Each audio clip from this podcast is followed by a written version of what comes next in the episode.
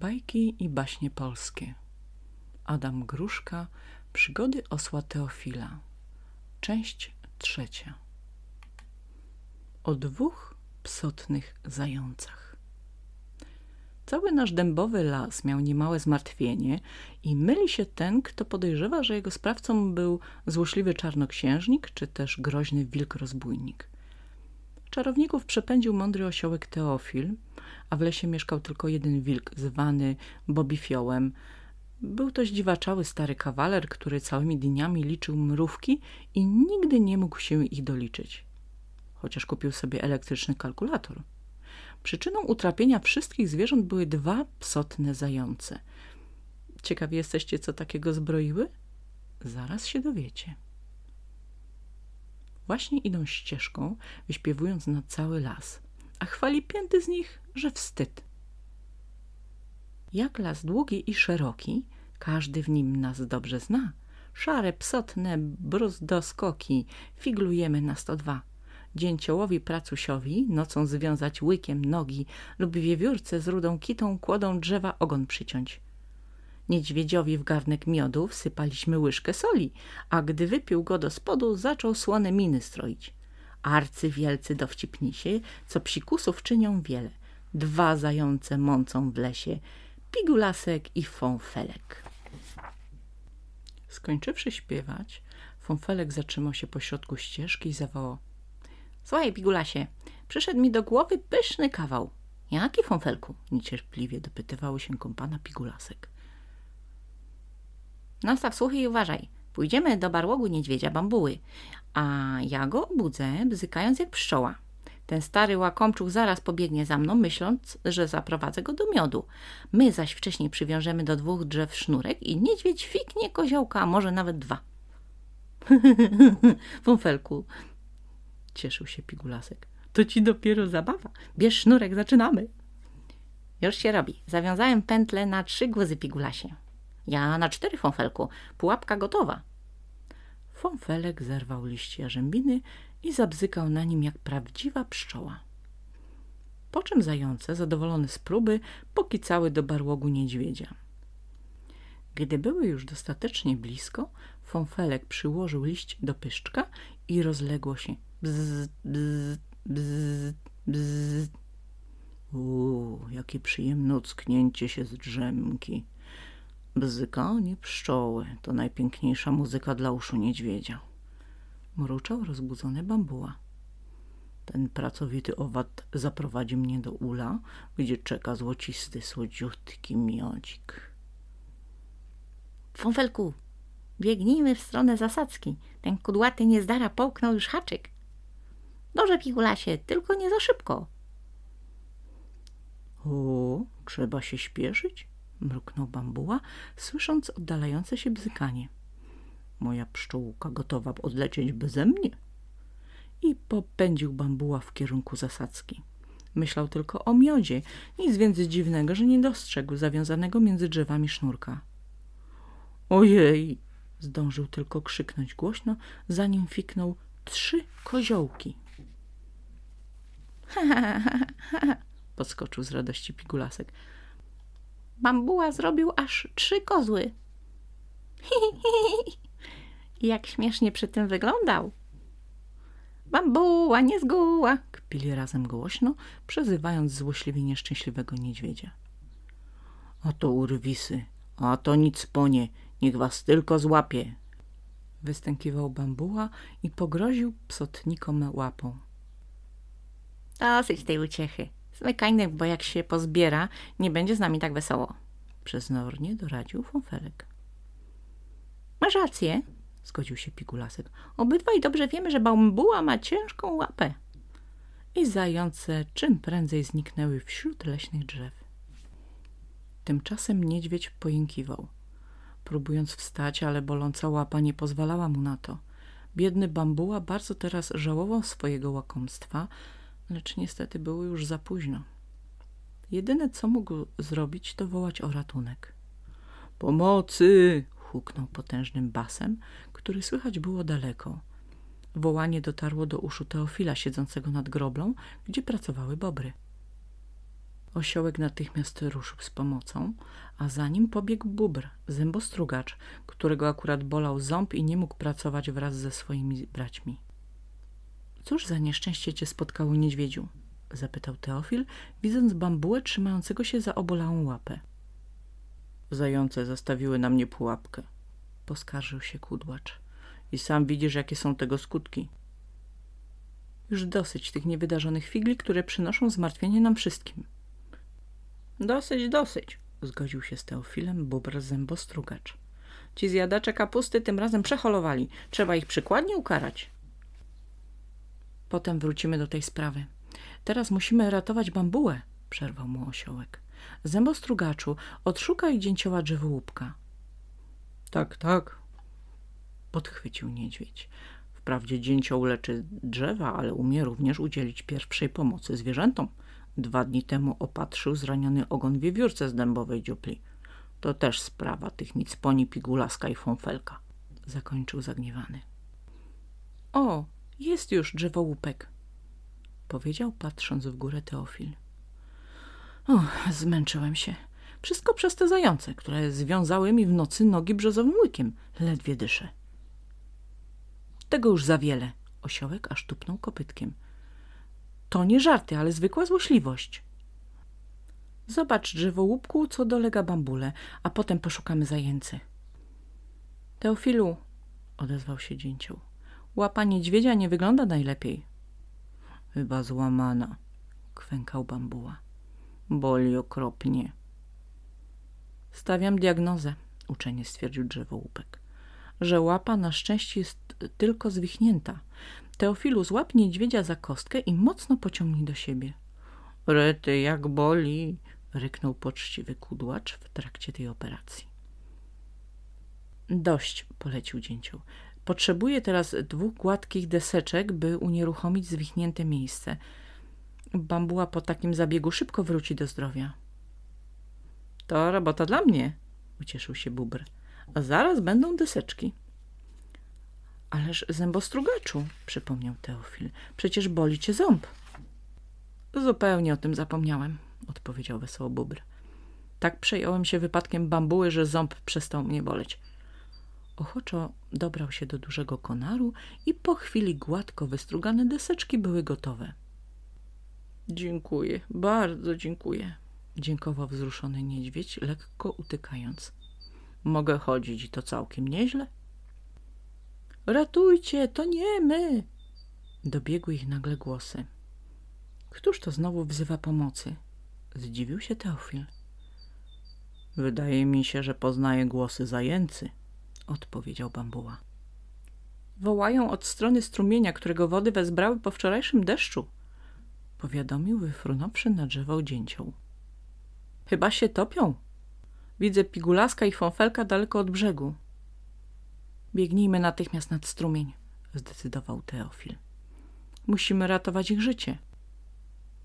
W drogę, zagrzmiał basem bambuła i ruszył szybko, nie bacząc na swoją chorą nogę.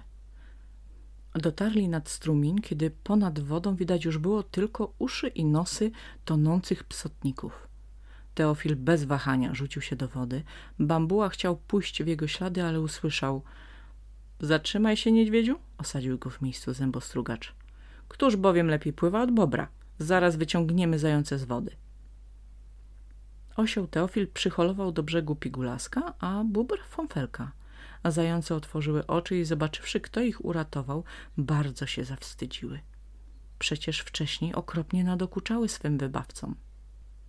Oto skutki kąpieli w niedozwolonym miejscu, strofował je Teofil. Całe szczęście, że nie wzięliśmy waszego wołania za nowy figiel, wymyślony w waszych pustych głowach, bo wówczas byłoby o dwa zające mniej w naszym lesie. Słysząc te słowa, szaraki gorzko zapłakały, ucałowały niedźwiedzia w przednią łapkę i wielce skruszone przeprosiły wszystkich za swoje niewydarzone figle. A teraz marsz do łóżka, rozkazał Teofil, wręczając zającom dwie tabletki aspiryny. Trzeba się wypocić, bo jeszcze się pozaziębiacie. Jeżeli przyjdzie wam ochota psocić, zagroził odchodzącym bambuła. Wypędzimy was obu z dębowego lasu. Nie trzeba nam tutaj nic poni.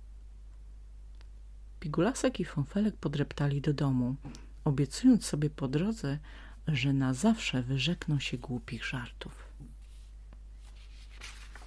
Jak lis rude ziółko stał się uczciwym lisem.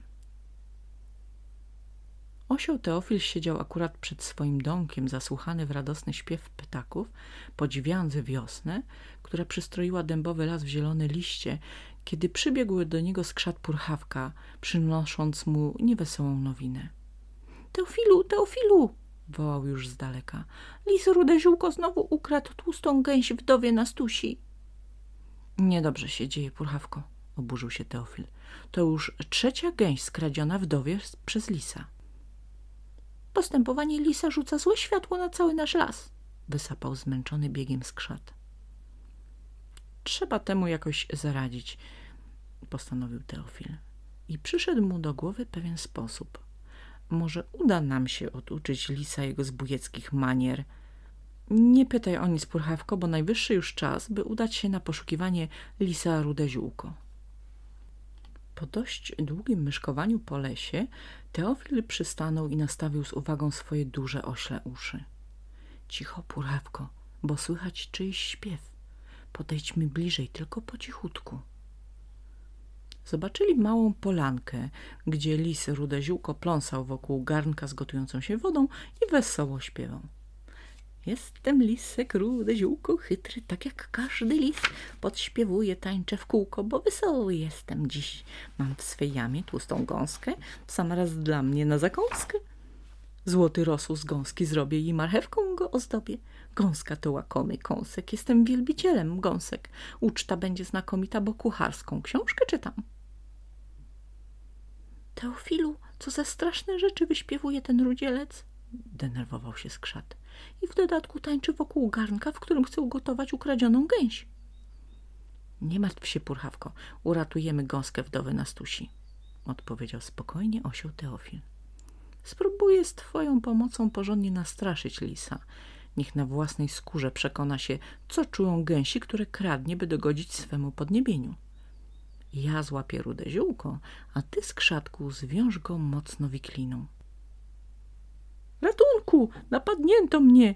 Wiążą mi wszystkie cztery łapy! krzyczał szamocąc się lis rude ziółko. Ratunku! Bądź cicho, rudy opryszku, upomniał go Teofil, bo zawiążemy ci jeszcze twoją fałszywą gębę. I dodał, zwracając się do skrzata. Purchawko, dożyć chrustu do ognia, niech woda dobrze się zagotuje. Mam straszną ochotę na gulasz z lisa. Chcecie ze mnie zrobić gulasz? Wrzasnął ziółko, szczękając zębami. Przecież to okropne. Nie odważycie się.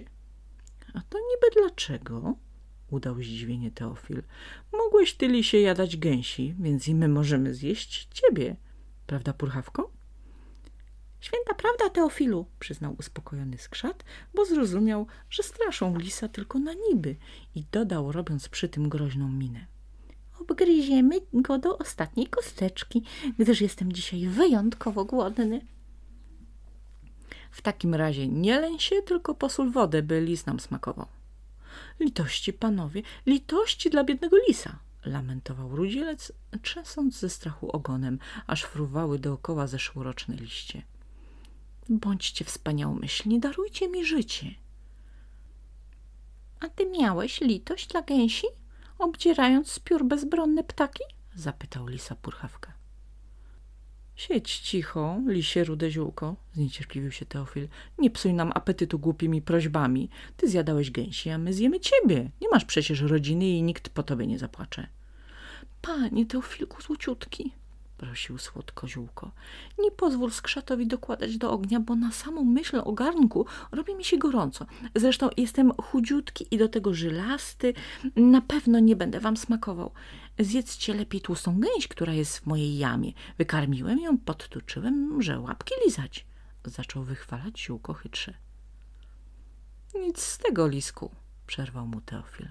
Mamy ochotę właśnie na ciebie, a gęś zwrócimy wdowie na stusi. Widzę, że woda już się gotuje, więc załadujmy ziółko do garnka i będzie z niego gulasz pierwsza klasa, oznajmił purchawka. Kłamczuch z ciebie, mój lisku, jesteś tłusty jak pączek w zapusty, stwierdził Teofil, obmacując lisa. Będziemy mieli co obgryzać, purchawko. Chwileczkę, małą chwileczkę, kochani panowie. Zrobię wszystko, co tylko chcecie. Będę jadł nawet leśne jagody i korzonki. Tylko nie róbcie ze mnie gulaszu. Jeżeli tak bardzo nie chcesz być zjedzony w postaci gulaszu, zgodził się Teofil, możemy cię zapiec w brytwannie, dodając wonnych ziół, bo cały śmierdzisz podstępkiem. Nie chcę być zjedzony ani jako kotlet, ani nawet w potrawce. Ja w ogóle nie chcę być zjedzony. Ale ty grymasisz, lisie, udał zdziwienie skrzat. Nigdy nie spotkałem bardziej gadatliwego rudzielca jak ty. Nie możesz spokojnie poczekać, aż wsadzimy cię do garnka? Nie mogę, nie mogę, nie chcę. Ja się naprawdę poprawię. Przysięgam na moje rude futro, że nie popatrzę w stronę żadnej, nawet najtłustszej gęsi. Płaczliwie obiecywał przestraszony nie na żarty rude ziółko. No cóż, purawko, zapytał Teofil, mrugając okiem do skrzata. Może lis naprawdę się poprawi i nie będzie już nikomu szkodził. E, nie wierzę lisom, udawał dalej skrzat. Lepiej go zjedzmy i będzie spokój w lesie. Proszę was, błagam, pozwólcie mi się poprawić, zawołał ziółko, którego wcześniejsze słowa Teofila napełniły wiarą w uratowanie własnej skóry. Nie wiedział przecież, że Teofil z purchawką tylko go straszą. Będę najuczciwszym lisem w okolicy, zapewniał. Teraz już wiem, co czuły biedne gęsi, lamentował. Gdy wsadzałem je do garnka, nie mógłbym zrobić im już najmniejszej krzywdy. No dobrze, lisie, darujemy ci życie. Zgodził się po zastanowieniu Teofil. Ale pamiętaj, że to po raz ostatni. Rozwiąż ziółkę, purchawko. Dzięki, wielkie, największe dzięki. Rude ziółko aż podskoczył do góry z radości. Dziękuję wam, panowie. Lisie, musisz natychmiast odnieść gęś wdowie na stusi, rozkazał groźnie Teofil, i uczciwą pracą wynagrodzić wszystkie szkody, jakie jej wyrządziłeś. Na co czekasz? Ruszaj, aż wawo. Biegnę, biegnę, panie Teofilu, pędzę, biorę gęś pod pachę i już mnie nie ma. I ziółko ruszył czym prędzej w kierunku zagrody wdowy na stusi. Myślę, Teofilku, że rude ziółko nie odważy się wrócić z powrotem na zbójecką drogę, powiedział skrzat, patrząc w ślad za lisem. Ja tak myślę, przyjacielu, przytaknął purchawce osiołek. Za dużo najadł się strachu, bo uwierzył, że naprawdę chcemy go zjeść. E, e, tam. Wolę świeże poziomki, odpowiedział żartem skrzat. I przyjaciele roześmiali się serdecznie. Chodźmy pospacerować po lesie, purchawciu, a potem pójdziemy zobaczyć, jak lis wywiązał się z obietnicy. Wdowa Nastusia, siedząc na progu swojej chaty, opłakiwała akurat stracone gęsi, gdy usłyszała wołanie. Pani Nastusiu, pani Nastusiu! Otarła oczy i zawołała zdziwiona. Co ja widzę? Nie do wiary. To przecież lis rude ziółko. Niesie moją gęś i to tę samą, którą skradł wczoraj. Czyżby chciał mi ją zwrócić? Nic nie rozumiem. Czego sobie życzysz, lisie? Przyszedłem zwrócić pani gęś i zapytać, czy nie mógłbym wynagrodzić jakoś szkuty, które tu wyrządziłem, kradąc gęsi. Niestety nie wszystkie mogę zwrócić, bo je już zjadłem. Tłumaczył się jednym tchem zawsydzone ziółko. Co to za odmiana w twoim postępowaniu, lisie? Zdziwiła się wdowa. Tyle łez wylałam z twojego powodu, że doprawdy nie wiem, czy można ci wierzyć. Na pewno można, zapewnił szczerze rude ziółko. Miałem okazję przekonać się na własnej skórze, jak bardzo się cierpi, kiedy kogoś mają wsadzić do garka. Najwyższy czas, bym został uczciwym lisem. Proszę tylko powiedzieć, czy ma pani pracę dla mnie, bym ze spokojnym sumieniem mógł zacząć nowe życie? Trudno mi uwierzyć po tym, co usłyszałam, a pracy u mnie dosyć. Trzeba wykopać dołki pod nowe ogrodzenia. Kiedy myślisz, możesz zabrać się do roboty, Lisku? Zaraz nie zwlekając, zapewnił ziółko. Proszę tylko pokazać, gdzie mam kopać i już zaczynam. I lis raźno zaczął wywijać łopatą, a że lubił śpiewać, szybciutko ułożył piosenkę, by mu wesele się pracowało. Jego głośny śpiew zwabił do zagrody wdowy Nastusi Teofila i Purchawkę. Rude ziółko śpiewał. W koło leci świeża ziemia, rude ziółko tu pracuje, nie uważa się zalenia, łap do pracy nie żałuje. Lekko mi na lisiej duszy, kiedy mogę pomóc wdowie, w dowód mej prawdziwej skruchy, źle już o mnie nikt nie powie. Jak widzisz, Purchawko, zwrócił się do skrzata osiołek, lis ziółko dotrzymał słowa, pracuje za dwóch i jeszcze sobie wesoło podśpiewuje. Proszę, proszę, jak też lis może się zmienić, zdziwił się, kiwając główką purchawka. Gdybym nie widział tego na własne oczy, nigdy bym w to nie uwierzył. Wiedziałem, że jak dowie się z własnego doświadczenia, co czują skradzione gęsi, będzie to dla niego nauczka na całe życie. Odpowiedział z przekonaniem Teofil. Popatrz, Teofilku, wdowa Nastusia niesie lisowi miskę gorącej zupy. Ciekawe, czy będzie mu smakowała. Po takiej pracy purchawko na pewno zje wszystko i jeszcze poprosi o dokładkę, zapewnił osiołek. Rzeczywiście, krzyknął po chwili skrzat, wdowa niesie mu drugą miskę. Uczciwa praca nawet chytrego lisa potrafi uczynić dobrym obywatelem naszego lasu. Chodźmy do domu, Teofilku. Od tego dnia lis Rude Ziółko pozostał już na zawsze uczciwym lisem – zyskał sobie szacunek ludzi i zwierząt, a cały las był dumny z jego pracowitości. Ale jest jeszcze dużo niepoprawnych lisów na świecie, których trzeba odmienić. Pamiętajcie o tym. Koniec części trzeciej, ostatniej.